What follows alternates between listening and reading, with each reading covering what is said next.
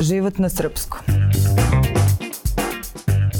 Dobar dan, ovo je Život na srpskom. Ja sam Ana Kalaba i danas razgovaram sa Andrijom Lazarevićem, mojim dragim mladim kolegom iz Zubinog potoka. Zdravo, Andrija. Zdravo, Ana. E, kao što si rekao, već smo sad odmakli malo od, od izbora. E, kakva je atmosfera tamo? Pri, šta se priča? Jesi se čuo? Jesi bio? Kako se ti osjećaš sada? Da. Dosta se pričalo o tome, sad opet se nešto ono... Priprema. Priprema? Da, da, pa to je otprilike taj život od, do, od nekog datuma do nekog datuma. Ja, ja sam dakle sve vreme u Beogradu i povremeno odlazim u Zubin potok i generalno na sever Kosova, ali sam u stalnom i neprekidnom kontaktu i naravno sa porodicom i sa prijateljima. Izbori konkretno su bili onako jedan s jedne strane običan dan za ljude, a s druge strane su se dogodile, čini mi se, promene koje, e, kojih ljudi još dole nisu svesni. E, dakle, vlast su formalno na severu Kosova lokalno preuzeli e, gradonačelnici albanske nacionalnosti i sad imamo tu jednu vrstu, da kažem, paradoksa tip da je najuticajnija politička opcija na severu Kosova srpska lista izašla iz institucija, a s druge strane na taj način protestujući zbog odnosa i svih drugih stvari koje su se dešavale, ali na taj način je praktično dala legitimitet da ljudi albanske nacionalnosti uđu uh, u vrhove opštinske vlasti. Sada imamo taj aktuelnu, uh, aktuelno pitanje gde će oni boraviti. Uh, zgrade opštine, zgrade sve četiri opštine na severu su prazne i ono što se sada negde ovaj prosto postavlja kao pitanje kako će oni ući.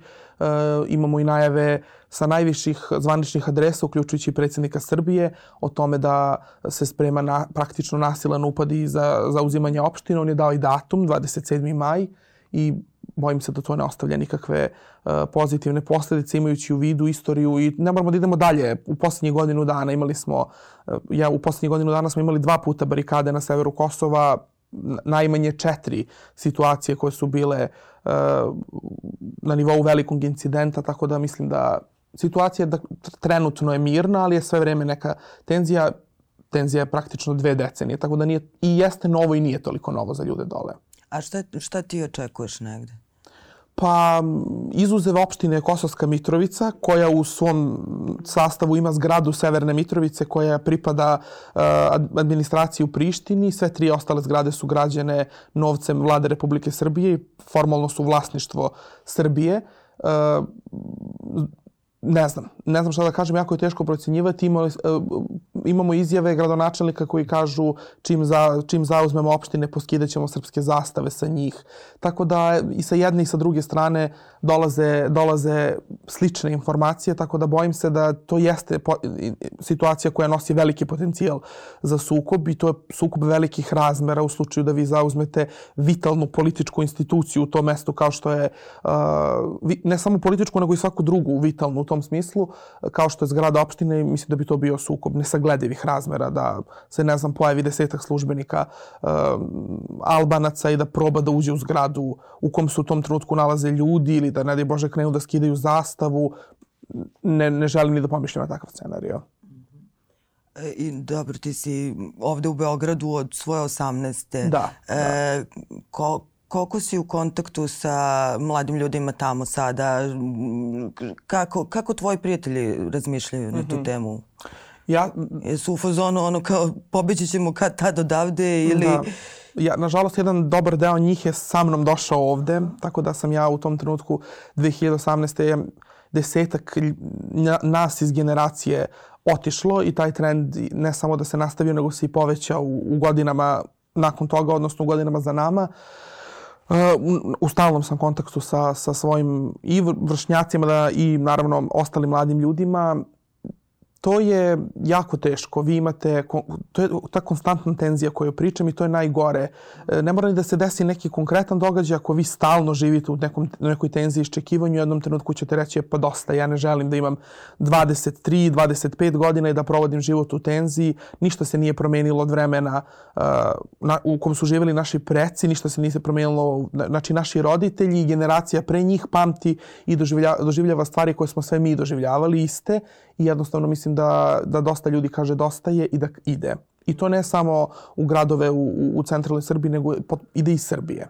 I da ni, ništa situacija nije bolja ni da kažem odmah među Al Albancima, oni pogotovo sad imaju olakšice time što su što im je ukinuta vizna liberalizacija, odnosno ukinute su im vize, data im je vizna liberalizacija i procene su i sa jedne i sa druge strane od različitih nevladenih organizacija koje sprovode istraživanja i među mladima na, u srpskim sredinama i među mladima u albanskim da će trend odlaska biti veliki, tako da mislim da je glavni uzrok ta tenzija koja je postoje jednom trenutku neizdrživa. Mm -hmm i negativno utiče na naj, e, najvažniji deo toga da mi u Kosovskoj Mitrovici imamo uh, univerzitet koji ima 9000 studenta i koji ima jako veliki broj studenta koji dolazi iz Beograda, Kragujevca, Niša da studira. Možete da zamislite šta može da pomisli roditelj uh, nekog budućeg studenta iz Beograda kada uključi televiziju sa nacionalnom frekvencijom gde piše rat, okršaj, Albanaca i Srba, pogledajte snimke rata, mislim da li će neko normalno kaže super idi ti dole. Ja se osjećam bezbedno da ti odeš. To sve jedno za drugom povlači uh, odlazak stanovništva i pre svega odlazak mladih. Da mi čujemo kad se tako nešto strašno desi, kad, je, kad su neke vanredne situacije, a u stvari evo sad sam skoro pričala i s jednom drugaricom koja me ubeđuje da mi pojma nemamo kako se tamo živi. Možda Naravno, da. baš uh, o toj tenziji o kojoj ti sada pričaš. Uh, kako je bilo odrastati u, u takvom jednom, da kažem sistemu? Da. Pa, mislim, suštinski ja sam imao sreću da živim na severu Kosova i Metohije i da nisam prolazio kroz neke stvari koje su recimo prolazili ljudi koji žive južno od Ibra i koji su bili uh, 2004. godine isterani iz svojih kuća.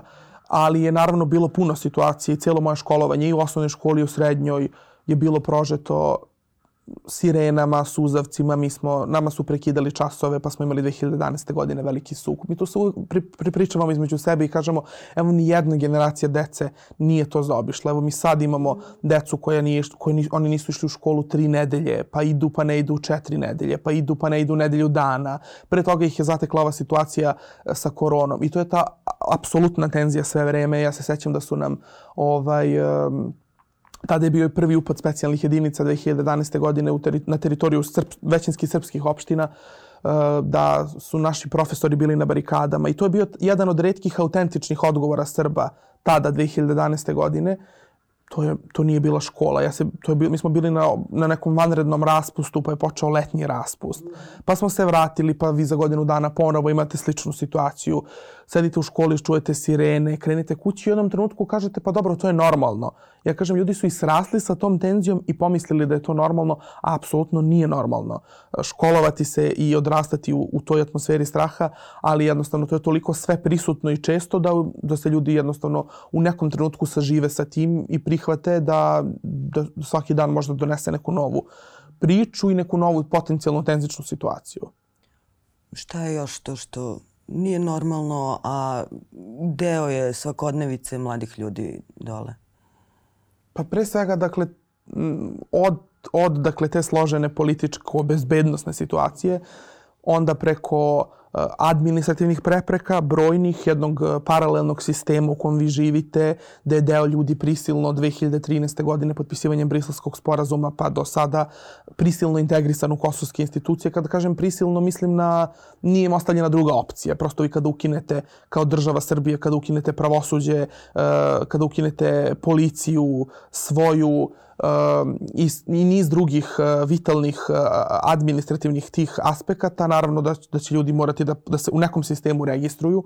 Na Kosovu i Metohiji od srpskog sistema trenutno jedino zdravstvo i prosveta delimično opstaju. Sve ostalo je potpolo po, toj, po taj sistem iz Prištine i onda ste vi praktično u tom imate i ličnu kartu, kosovsku ličnu kartu, imate srpsku ličnu kartu, prijavljeni ste u kosovskom sistemu, prijavljeni ste u srpskom, dajete ličnu kartu e, kada krenete u grad koji smatrate gradom u svojoj zemlji, onda vas sačeka ta hladna realnost kada hoćete, na primjer, iz Ubirnog potoka dodajete do Novog pazara koji je udaljen manje od jednog sata kolima, morat ćete da date ličnu kartu e, na prelazu i uh, da budete upisani da ste izašli pa da ste ušli. Naravno, ja lično imam samo jednu, uh, dakle imam srpsku ličnu kartu, uh, ali postoji niz mladih koji, je bio, koji su doli, koji naravno moraju da imaju ta dokumenta uh, i sada se postavlja pitanje šta će biti sa našom imovinom, da li ćemo u narednom periodu, šta će biti sa nasledstvom, šta će biti sa kućama, sa objektima, prosto sa ljudima koji imaju poljoprivredne posede, šume, dakle to je trenutno sve neregistrovano i ostavlja, kažem, pitanje opet za te mlade jer će nekad doći trenutak kada će doći do uh, nasledstva te imovina, neko ko nema dokumenta ponovo mora da ih... Va... Znači to je jedan potpuni vakum i mislim da je to je drugi uh, najveći problem. Što se tiče uh, perspektive kada govorimo o poslu, ni tu nije preterano uh, sjajna situacija. Uh, ukoliko želite da radite u sistemu Republike Srbije, to bi podrazumevalo da radite u bolnici, školi ili opštini, a već dobar deo ljudi starih je zauzeo to mesto. Sad u poslednje vreme, eto moram da kažem, jeste povećan broj mladih primljen u zdravstvene institucije na severu Kosova i Metohije. To je dobro, ali imamo i drugih, naravno, profila mladih koji ma preostaje da ili budu u nekoj nevladinoj organizaciji, to je sad dosta popularno, pa na nekim privremenim projektima da zarađuju nešto honorarno, ali dugoročno nije. Mislim da nije toliko sjajna situacija. I da oni ne vide dugoročno nekakav pozitivan ishod, da tako kažem. Da, e, ja kad sam, čitala sam neki tekst e, koji se bavi upravo problemom odlaska mladih mm -hmm. iz tih krajeva, pa su posao upravo kao jedan od glavnih problema. Naravno, da. A ti si mi opet s druge strane skrenuo pažnju i na ovaj, na, na, na neke druge komplikacije. E, I dalje nemaš pasoš i ne, dalje... Ne. 23 godine imam, nemam pasoš iz neke vrste revolta prema pre svega sobstvenoj zemlji koja ne, trenutno ne preduzima ni, mada su sad najavili da će preduzeti neke diplomatske aktivnosti. Dakle, Srbi na severu Kosova i Metohiji, generalno na Kosovu i Metohiji, imaju identičan pasoš po izgledu ljudima koji žive u uh, centralnoj Srbiji, ali je začkoljica to što na našim pasošima uh, piše policijska ili koordinacijona uprava za Kosovsku Mitrovicu i to sve zemlje prepoznaju kao uh, problem, tako da građani, recimo, nekog iz Beograda može potpuno potpuno normalno da putuje recimo u Bugarsku a, i do neke naredne destinacije, da prođe kroz Bugarsku, dok, na primjer, neko iz uh, Zubinog potoka ili Kosovske Mitrovice sa tim pasošem mora da traži vizu za sve one destinacije za koje viza nije potrebna.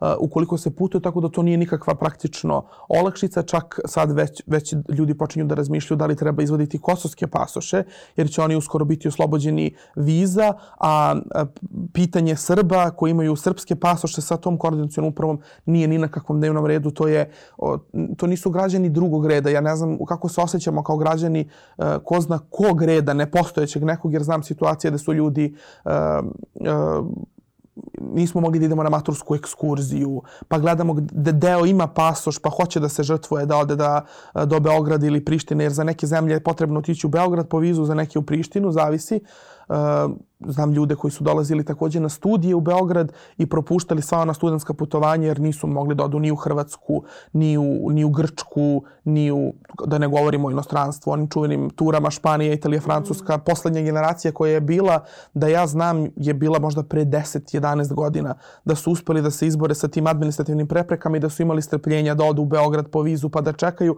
i onda kad su cijelo generacije odobrili, išli su sve ostale ekskurzije su bile impro, improvizovane u regionu, mislim možemo u Crnu Goru sa ličnom kartom i u Bosnu uh, i u Makedoniju.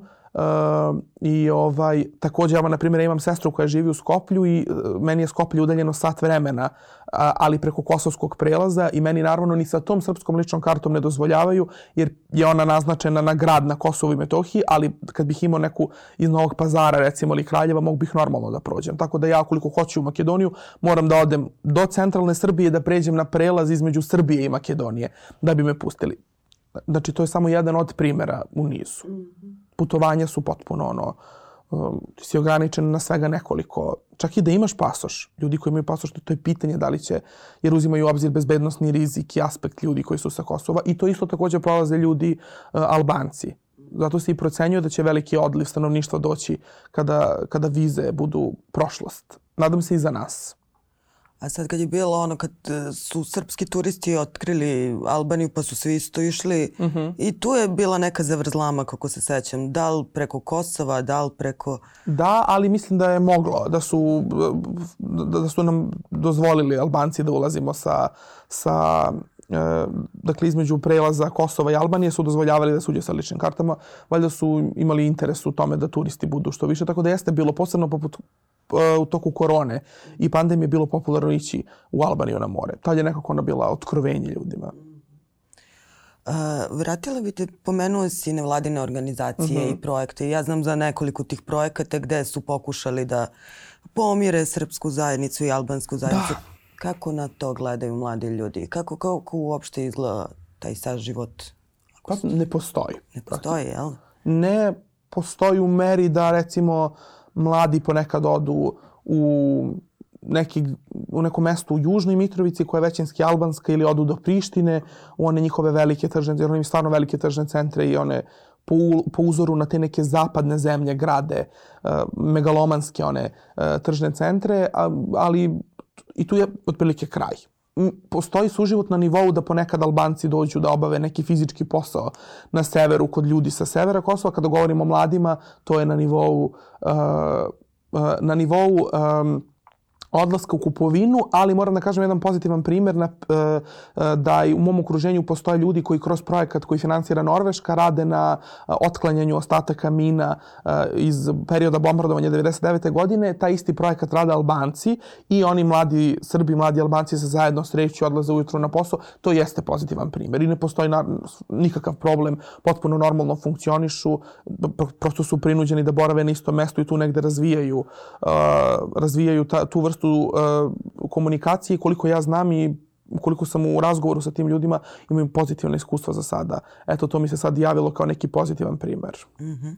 Ba, jel bi se ti uključio u tako nešto? Mislim... Naravno, ja sam bio da... deo jednog projekta Generacija Aha. 99 E, to su mladi Srbi i mladi Albanci, studenti novinarstva u tom trenutku koji su se prvi put sreli tada u Prištini i to je bio moj prvi put da idem u Prištinu iako sam rođen uh, na Kosovu i Metohiji, dakle nisam ni, ni do svoje, praktično do svoje 20. godine ni išao nešto previše južno.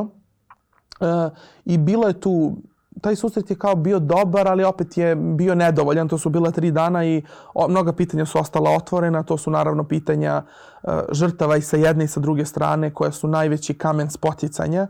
I mislim da su ta tri dana, mislim, dala su mi neki novi uvid. Uh, njih tamo jako puno interesuje novinarstvo, to sam primetio. Mnogo njih mladih uh, se interesuje za novinarstvo. Oni imaju studije novinarstva na njihovom uh, filološkom fakultetu, čini mi se.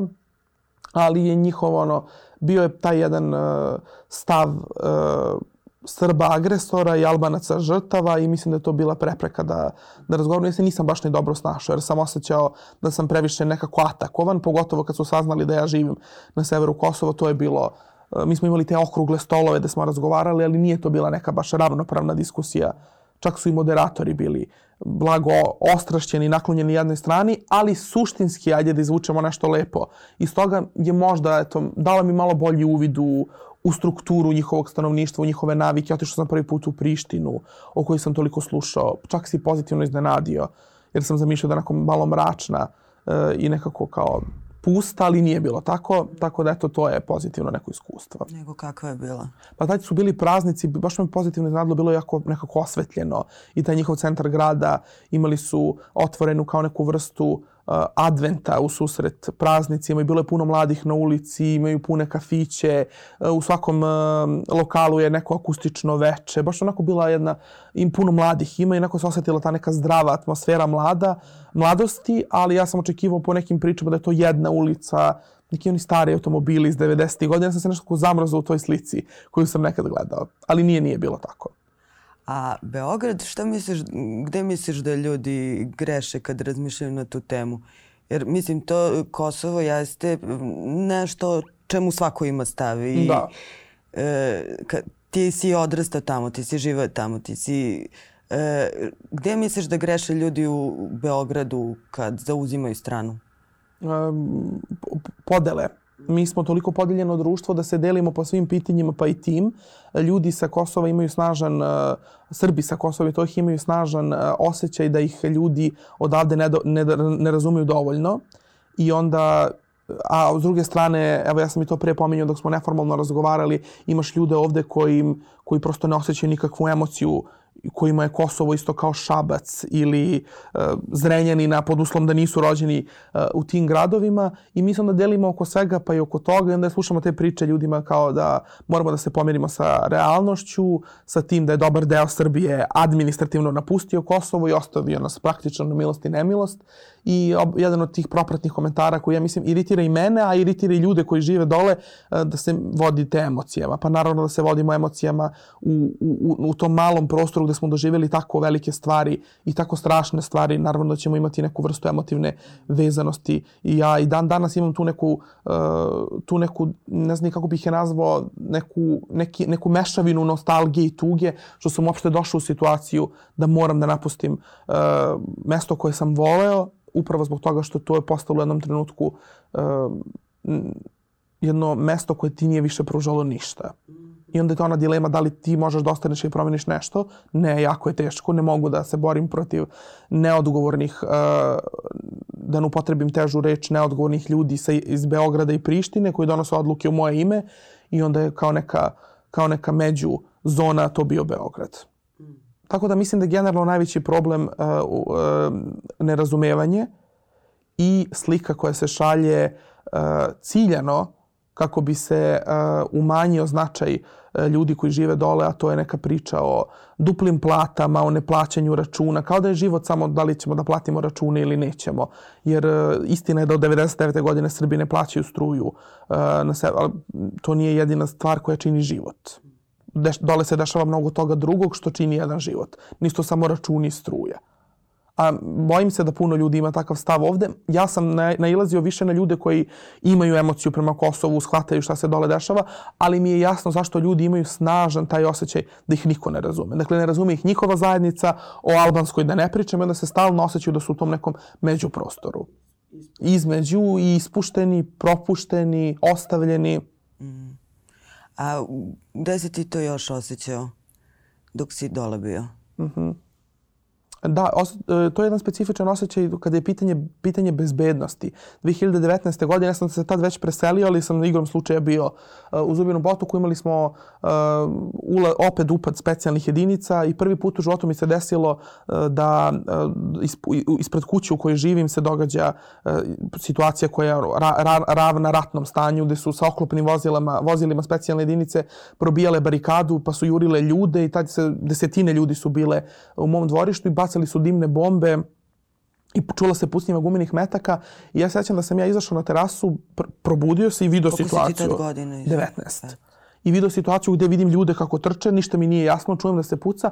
Ja se sećam da sam ja osetio taj jedan osjećaj najgori mogući na svetu, gde ti vidiš Uh, uopšte da ne govorimo o kontekstu i šta se događalo, to uopšte nije važno. Vidiš jednu reku uh, opasnosti kako ide ka tebi i ja sam oko pogledao Sa druge strane, ništa nisam video i nisam osetio nikakvu bezbednost. Ja sam rekao, Bože, mi smo napadnuti, a ja ne osjećam da može bilo ko da nas zaštiti. I to je bio autentičan osjećaj svih ljudi tog dana, sećam se. Mi smo, ljudi su trčali po njivama, po kukuruzima, tad da beže od dimnih bombi, jer su bili postavljeni opet od strane centara moći na te barikade i žrtvovani, kao i naravno nebrojano puta uh, u bližoj i daljoj budućnosti. I taj jedan osjećaj uh, nezaštićenosti. To je naj to je prosto egzistencijalno pitanje, najgori osjećaj na svetu.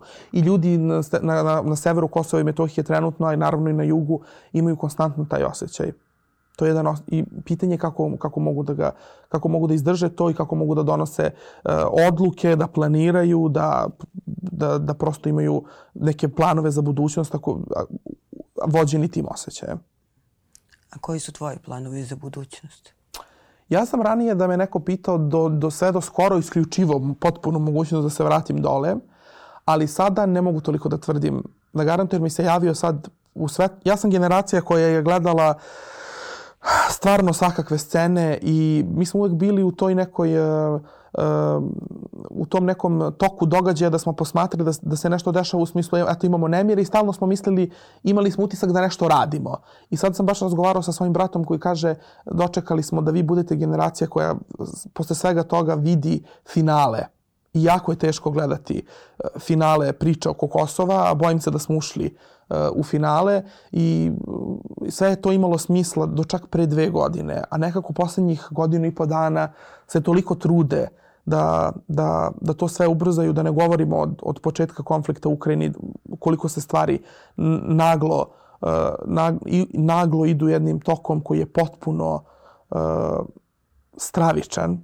I zato mi se u, u svetlu svega toga javljaju pojačane emocije jer imam utisak da sam nemoćan, a nešto bih kao uradio i onda kao neku kompenzaciju prvi put mi je padalo na pamet u životu i kažem pa dobro ja ću se vratiti dole da, da probam nešto da uradim iako ne mogu ništa i to više nije pitanje uzimanja dela teritorije pa da imate neke kao nacionalne, nacionalne osjećaje. To je jednostavno pitanje uh, toga da vi imate uh, uspomene, imate uh, emotivni doživljaj prema tome, uh, samo je dovoljno da imate uspomene.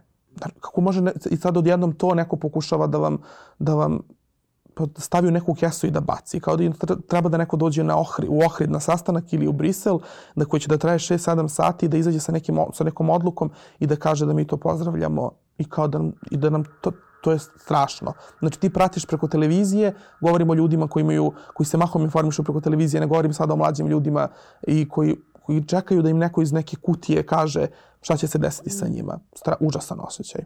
A kažem, pogotovo u posljednjih godinu dana, da je jako vidljivo to da se ova priča privodi kraju i da nas, nažalost, čeka taj hladan šamar realnosti, a ako postoji teže reč, idem, idemo ka tome. A što misliš da bi bilo da bi bilo do, da bi izazvalo neki pozitivan finiš, odnosno šta misliš da bi moglo da motiviše mlade da se vrate dole, da razmišljaju na taj način? Pa veće angažovanje pre svega Republike uh -huh. Srbije. Ona uh, se kao kvazi zalaže za, za, za dole raznim uh, projektima, ali mislim da je to samo kozmetičko pravljenje situacijom dobrom, situaciju dobrom. Uh, mlade bi motivisalo smirivanje tenzija, i uh, veća, veća ulaganje i samim tim perspektiva da oni mogu da imaju izbor. Da, da imaju makar izbor između dva nečega. Jer ti kada nemaš ni jedan izbor, naravno da ćeš otići negde gde će neko da ti ponudi makar jedno nešto. Ima puno takvih slučajeva i primjera. Dosta se, mislim, ovo što sam pomenula projekte i to, mm -hmm. Uh, ajde, do mene dolaze ti neki pokušaj, ali uglavnom na tom nekom kulturnom nivou, mm -hmm. neke uh, kao da se ništa, što ti kažeš kozmetika. Da. Uh, kako to izgleda s druge strane? E, šta tačno? Postoji li kulturni život i postoji li taj neki privid norma, normalnog da, života da, da, da. mladih. Da.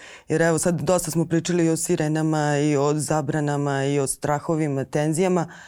A šta se odvija iza ne, ne postoji živo razvijen kulturni život, bar eto u Zubinom potoku imamo zaista, ako neko, ako neko hoće, ima izbor da u toku nedelje više puta prisustvuje e, i likovnim kolonijama, i predstavama, i izložbama, e, kulturno-umetničkom programu. Zaista tu moram da kažem da je, to je neko malo ostravo ljudi koji umorni od svega toga. Baš sam pričao sa ljudima koji često posećuju to, e, da im je to ono, da odu tamo i da zaborave sve što se okolo događa i ne, dakle ne moramo samo da govorimo o tenziji nego sva ta, sav taj mrak oko nas društveni generalno koji vlada u Srbiji, a mladi imaju uh, opet kažem Kosovska Mitrovica i dalje grad mladih, ako uzmemo u obzir da između 8 i 9 hiljada ljudi i dalje studira tamo, i u okolnim opštinama, tako da je ona centar uh, tog noćnog života. Ima puno kafana, ima puno uh, diskoteka, kafića koje organizuju žurke, uh, ima dakle, uh, kafiće koje organizuju džez žurke, zatim elektronska muzika, sve je to rasprostranjeno tamo prilično i za svakoga ima po nešto. Pogotovo te studentske žurke koje su naj, najčešće i naj, najvidljivije nekako. I to jeste, to, opet kažem, i to je ostravo, neki, neki beg. I ljudi često vole da izlaze jer prosto na taj način se zabavljaju. A kako ti provodiš vreme sad kad odeš? Ideš jednom mesečno? Jednom, dva puta mesečno, zavisi. Da, volim da odem na kafu. Meni je to ona jutarnja kafa u, u lokalnom kafiću, ta priča koju sam dugo tražio ovde u Beogradu, krajena, da, mogu, da možda odeš onaj poznati kafić i da sretneš poznate ljude. Uh, nisam neki pobornik uh, noćnog života, pa ne izlazim toliko, ali ta jedna kafa u ulici, u toj jednoj maloj ulici, uh, ujutru i samo jedna ta šolja kafe, to je nezamenjivo osjećaj. A šta ti još nedostaje u Beogradu? Uh, priroda, ta koja je dole jedinstvena i to da ja mogu da prošetam kroz svoj voćnjak uh, kad sam kod kuće koji nije toliko nešto veliki, ali samo taj jedan gore-dole moment od dva minuta je nešto neverovatno. I ljudi neki koji su dole i eto, to je nekako, ne znam, to mi je sad trenutno palo na pamet. Uglavnom to, da. Dobro, ajde. I taj osjećaj kad si dole. Nam taj, taj potpuno autentičan osjećaj. Uh, prilagođen nekako. Ne kažem ni i ovde je tako, ali dole je to ono da si na pravom mestu. I šta bi preporučio nekome ko želi da, da ode i da vidi sve to? Da utiša vesti, da uključi navigaciju i da dođe u Kosovsku Mitrovicu pre svega, da nikako ne zaboravi da obiđe kulturnu baštinu, manastire u, u južnom delu Kosova i Metohije i da ode i na, na, da kažem, iz prve ruke iskusi da dole ima puno divnih stvari, pored svega ovoga što se prikazuje ciljano opet, kažem, da bi se urušilo sve to što je dobro. Da, i vidjet ćemo šta će tog da. 27. biti. Da, čekamo taj 27. Bićeš dole, jel da? Pa, verovatno da da. Nadamo se da će sve ispasti bar mirnije nego što, što da. ti predviđaš. Da, da. Hvala, Andrija. Hvala.